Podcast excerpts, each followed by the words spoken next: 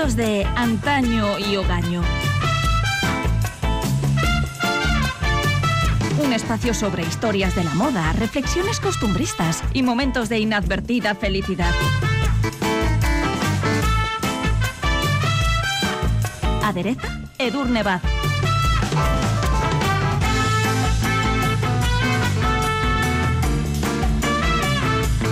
El contexto de los Juegos Olímpicos de Tokio y fieles a nuestra querencia por la historia de la moda, dedicamos este episodio a una prenda tan identitaria como icónica, el kimono. Edurne Baz, ¿qué tal? ¿Cómo estás? Muy bien, hola.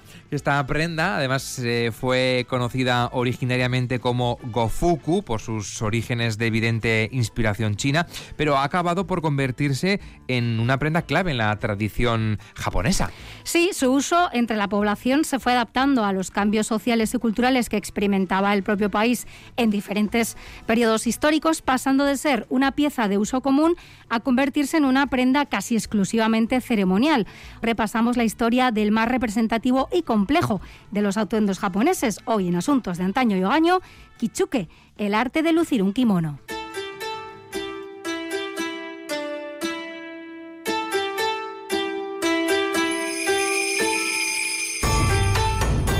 Vamos a hacer un poco de historia porque kimono es una palabra compuesta por dos ideogramas que se traducirían como ki, que es la abreviatura de kiru, que significa llevar sobre los hombros, vestir, y mono, que significa cosa.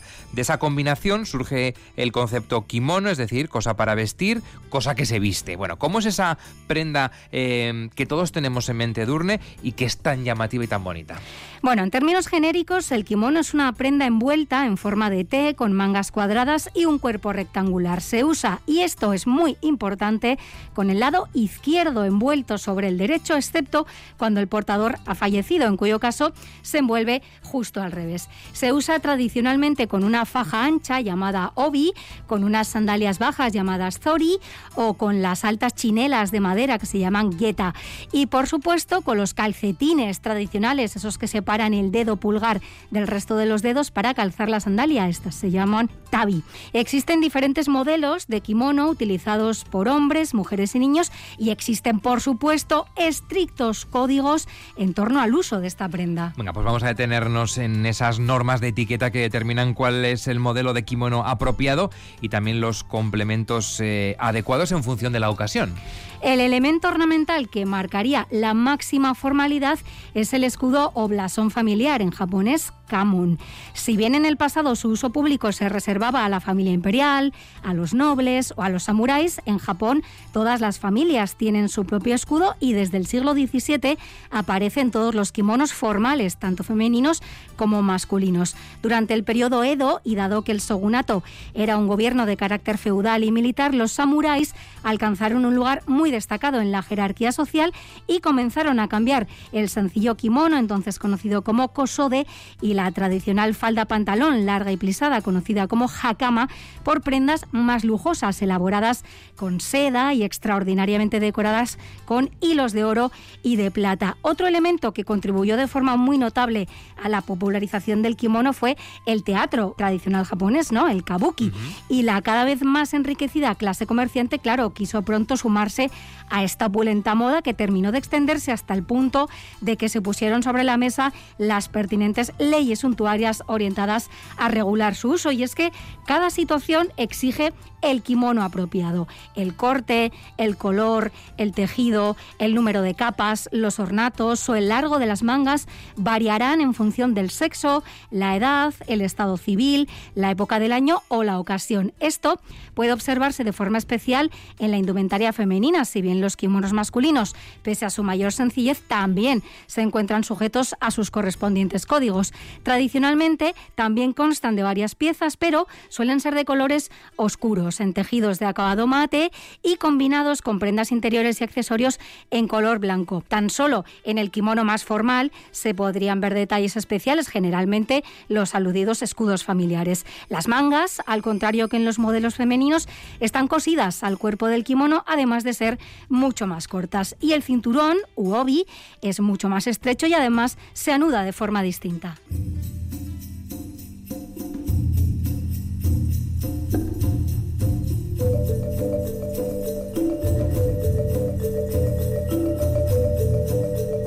La actualidad es cierto que las geishas y las eh, aprendices de geisha, que se conocen como maiko, son las únicas que utilizan el kimono en su día a día. No obstante, eh, los japoneses y sobre todo las japonesas siguen luciéndolo en ocasiones especiales. ¿Cómo ha evolucionado el uso de esta prenda?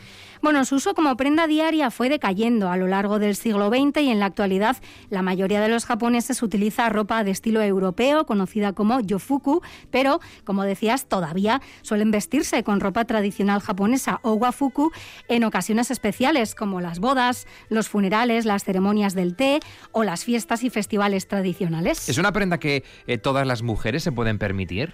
Bueno, todas las mujeres se podrían permitir probablemente un kimono, pero desde luego muy pocas mujeres pueden permitirse el fondo de armario que necesitarían para lucir el kimono más adecuado en cada ocasión. Tengamos en cuenta que el laborioso y delicado proceso de elaboración y mantenimiento de estas verdaderas obras de arte elaboradas con seda, con sofisticados brocados, complejos bordados, incluso pintadas a mano, las convierten en prendas muy muy caras, como también lo son sus complementos. El obi, sin ir más lejos, es un elemento clave. Su función va mucho más allá de evitar que el kimono se abra. Su anchura, longitud, tejido o decoración puede convertir el conjunto en algo perfectamente apropiado o inaceptablemente inapropiado según el grado de formalidad que exija la ocasión. Fijaos, se dice que existen medio millar de formas diferentes de atarse un lazo de obi y en el pasado la forma de anudarlo incluso enviaba información encriptada sobre su portadora. Resulta fácil entender por qué los kimonos se consideran auténticas joyas familiares que se heredan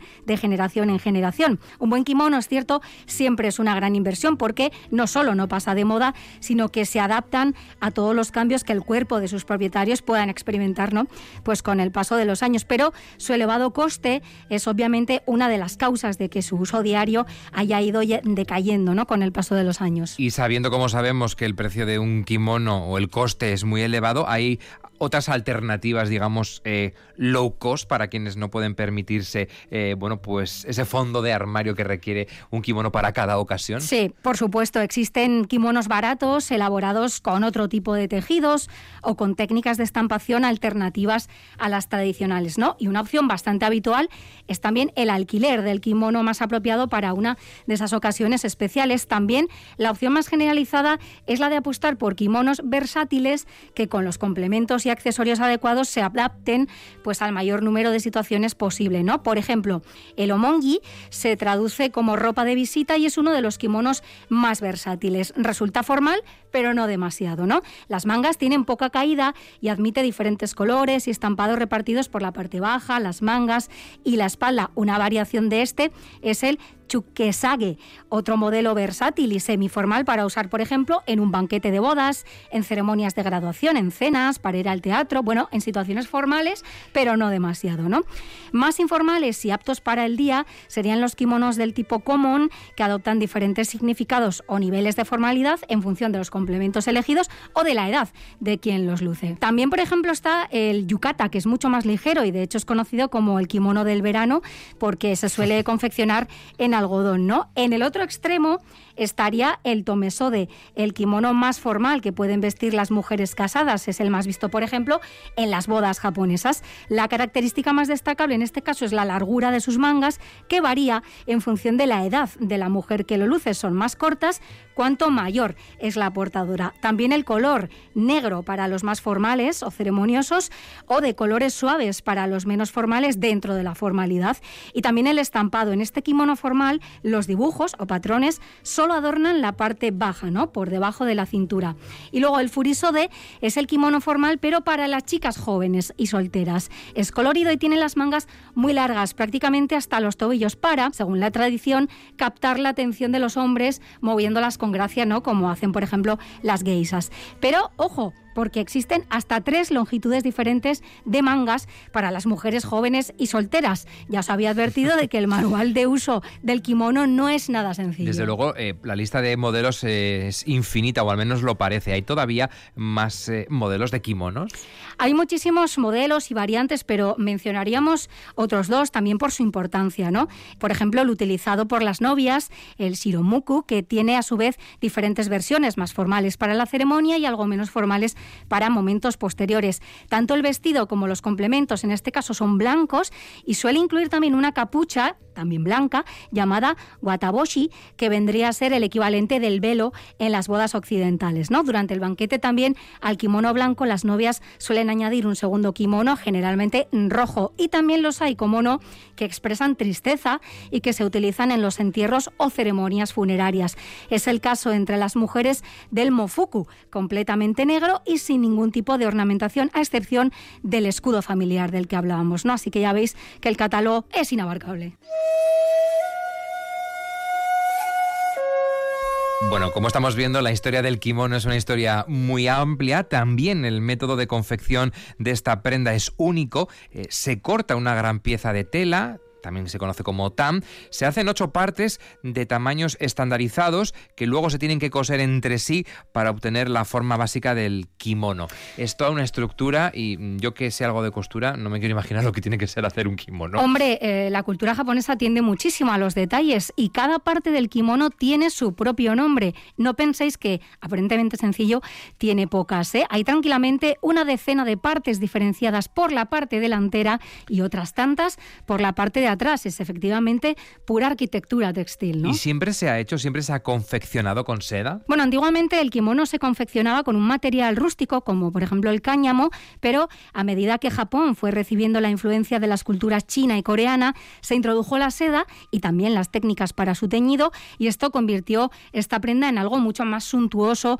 y colorido de lo que era. ¿no? Además, también era muy práctico, porque al ser de corte recto, se adaptaba a todas las personas y era fácil de doblar y permitía y además utilizarlo todo el año. Para ello solo había que quitarse o ponerse capas e ir adaptándolo a las cambiantes condiciones atmosféricas. Y es que, pese a su aparente sencillez, como decíamos, el kimono está formado por varias prendas que se van colocando una a una capa a capa de forma paciente y precisa para que queden perfectamente alineadas y no se arruguen. Hay que conseguir, por ejemplo, que el cierre en forma de V de la parte frontal quede perfecto y que la parte posterior del kimono quede un poco holgada para que se atisbe la nuca, que es un gesto que los japoneses consideran tremendamente atractivo, ¿no? Digamos que habría como mínimo cuatro capas esenciales, ¿no? La primera, por así decirlo, sería la ropa interior, bien sea al estilo occidental o a la antigua y purista usanza con una pieza de tela larga y fina llamada koshimaki que se lleva alrededor de la cintura. Has mencionado esas cuatro capas. La segunda sería el adayuban o la camisa interior junto con el susoyoke, que es la falda interior o bien en su defecto eh, una pieza única de cuerpo entero. La tercera de esas piezas. Esa sería un kimono interior o nagayuban que debe combinar apropiadamente con el kimono exterior porque resulta visible en la zona de las mangas y del cuello. Todas esas capas se ven. A este cabe añadirle una pieza decorativa llamada haneri que viste la zona del cuello y la siguiente capa sería el kimono exterior con sus correspondientes complementos como el lobby adecuado para la ocasión y atado, por supuesto, de la forma correcta. Y aunque sorprenda, la cosa puede ser, si cabe, más complicada. Se pueden añadir chaquetas o abrigos que se visten sobre el kimono y cuya longitud longitud y color dependen de la formalidad del evento. El uso de varias capas tiene, por supuesto, una larga tradición. En la corte imperial de Kioto se puso de moda vestir kimonos con hasta una docena de capas, lo que se conocía y conoce como yunihitoe. Y teniendo hasta 12 capas, una docena de capas como puede eh, tener un kimono, ¿cuánto puede pesar esta prenda? Esa variante, digamos, de 12 capas puede pesar tranquilamente unos 20 kilos, ¿no? Y además es algo que todavía se puede ver en ceremonias muy solemnes. Por ejemplo, en la entronización del emperador Naruhito, en 2019, su esposa, la emperatriz Masako, vestía un atuendo con un gran número de capas, todas visibles en los extremos de las mangas y en el cuello, como era frecuente ¿no? en las mujeres de la corte imperial. Hay que ver las imágenes eh, de ese kimono porque es espectacular. Lo es. Y no hace falta decir que esa combinación eh, de colores en las diferentes capas tampoco era arbitraria, nada lo es en la cultura japonesa. Se buscaba no solo la armonía cromática, sino también plasmar mediante la simbología del color la belleza de la naturaleza, los cambios de estación o las virtudes de su portadora. Vestir un kimono exige, como vemos, un complejo ritual. Tal es así que muchas personas incluso realizan cursos específicos para aprender a Y no solo cómo elegirlo, también cómo cuidarlo.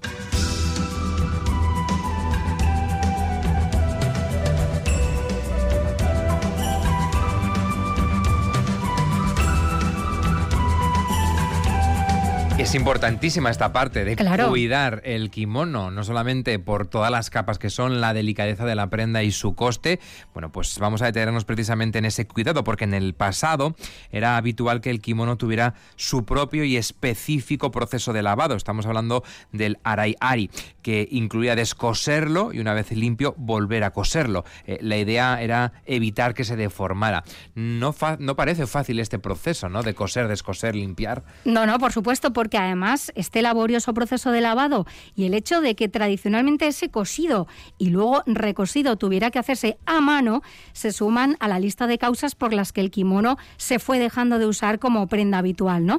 En la actualidad se han implementado métodos de limpieza mucho más sencillos, entre otras cosas porque también los tejidos alternativos a la seda original, como el rayón, el poliéster, el satén o el algodón, pues son mucho menos delicados, ¿no? No obstante, el lavado tradicional de kimonos todavía se practica, particularmente en el caso de los kimonos de mayor valor. Y por supuesto, tan delicado como su lavado es su almacenaje. Los kimonos han de ser guardados de una forma específica para contribuir a su mejor conservación y para preservar su forma. Se suelen almacenar envueltos en un papel específico llamado tatoshi y, tanto antes como después de ser usados, deben airearse. Por supuesto, si existe un grupo humano que domina a la perfección el complejo arte de lucir el kimono, es sin duda el de las misteriosas geisas. Recuerda, Chio, las geishas no somos cortesanas, ni tampoco esposas.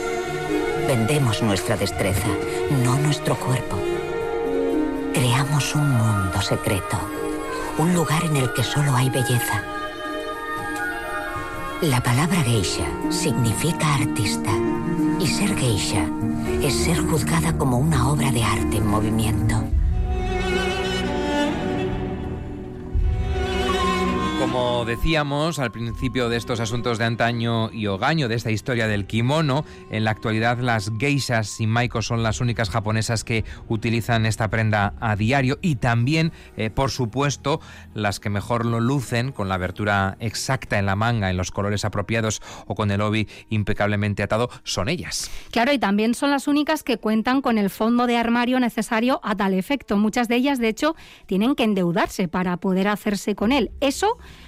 o contar con un mecenas o protector, ¿no? La tradicional y controvertida figura del dana, hombres maduros y muy ricos que financian parte de la formación de las geishas, así como otros gastos más que considerables, como por ejemplo los kimonos.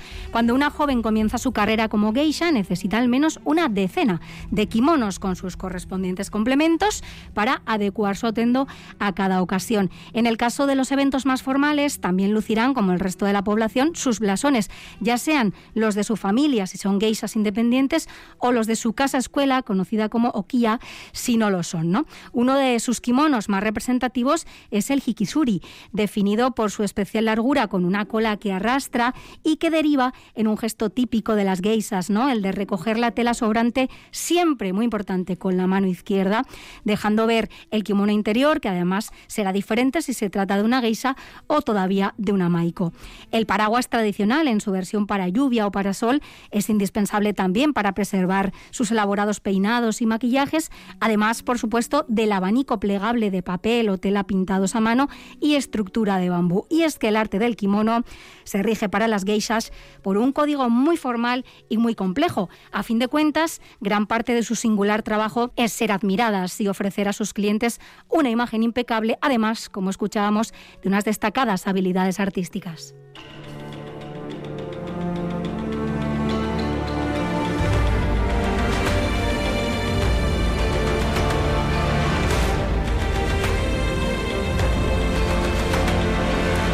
Durante la restauración Meiji, que se produjo entre 1868 y 1912, Japón se vio muy influenciado por la cultura occidental tras más de dos siglos de aislamiento, un periodo que por cierto se refleja muy bien en la película El último samurái, que eso también ha hecho que evolucione la prenda.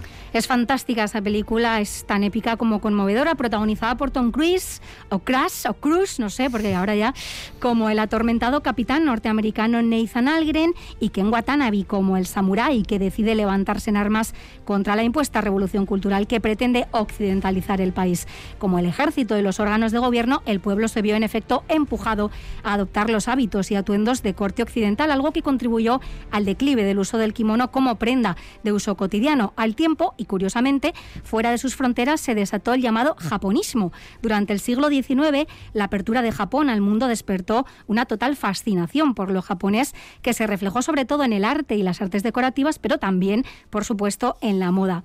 De forma paralela, la occidentalización de la sociedad japonesa continuó en los años venideros, particularmente tras la Segunda Guerra Mundial, al tiempo que los nuevos tejidos y las nuevas formas de producción industrial daban paso a nuevos diseños más accesibles y alejados de los patrones tradicionales. Las mujeres japonesas adultas se convirtieron en guardianas de la tradición, mientras que los niños y los hombres fueron incorporando prendas occidentales como pantalones, camisas, faldas, vestidos, abrigos, trajes o sombreros y el kimono se convirtió en una prenda casi estrictamente ceremonial.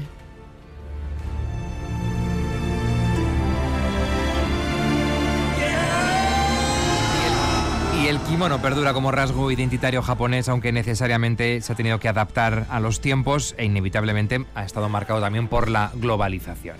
Exactamente, y muy presente siempre en las colecciones de moda, grandes firmas de moda y diseñadores y diseñadoras lo revisitan constantemente. Así que, bueno, nos quedamos con esta prenda clave en la historia de Japón y, por supuesto, en la historia de la moda.